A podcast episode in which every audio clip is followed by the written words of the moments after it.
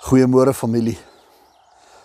Ek praat nog steeds vanoggend 'n bietjie met u oor oor die liefde. Hoe verloor ons die liefde? Wat doen ons om die liefde terug te kry? Wat die skrif leer ons in elk geval, laat ons hê die liefde want Jesus Christus het ons eerste lief gehad.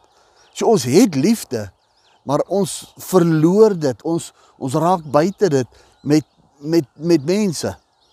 Mense doen dinge, ek en u doen dinge en en en die liefde kwyn, die liefde raak al hoe minder en minder. Nou miskien moet ek uh eintlik eers in die heel in die begin gesê daar is verskillende tipes liefde. Daar's goddelike liefde, daar is eros liefde, goddelike liefde, ag agape, daar's eros liefde wat erotiese liefde is. Uh jy weet, tussen man en vrou.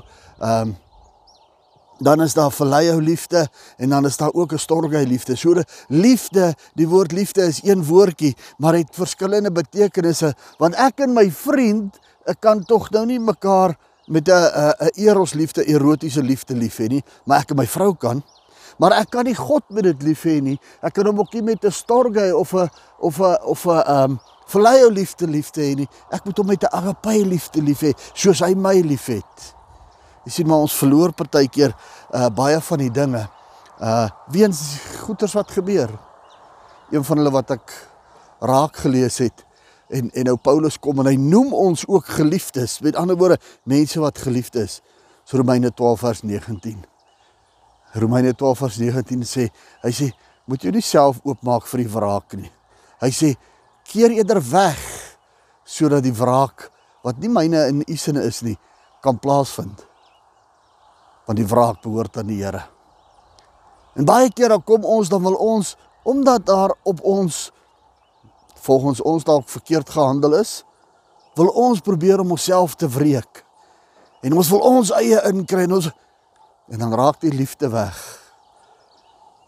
Ek het agtergekom dat baie keer dan wandel ons buite God se woord, buite God se wil.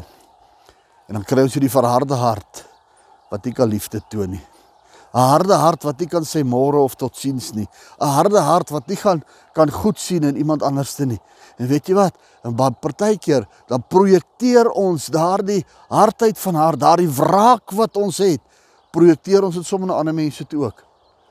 Ek is kwaad vir persoon X, maar omdat sy nou vir persoon nee, G ken, is ek sommer vir albei kwaad.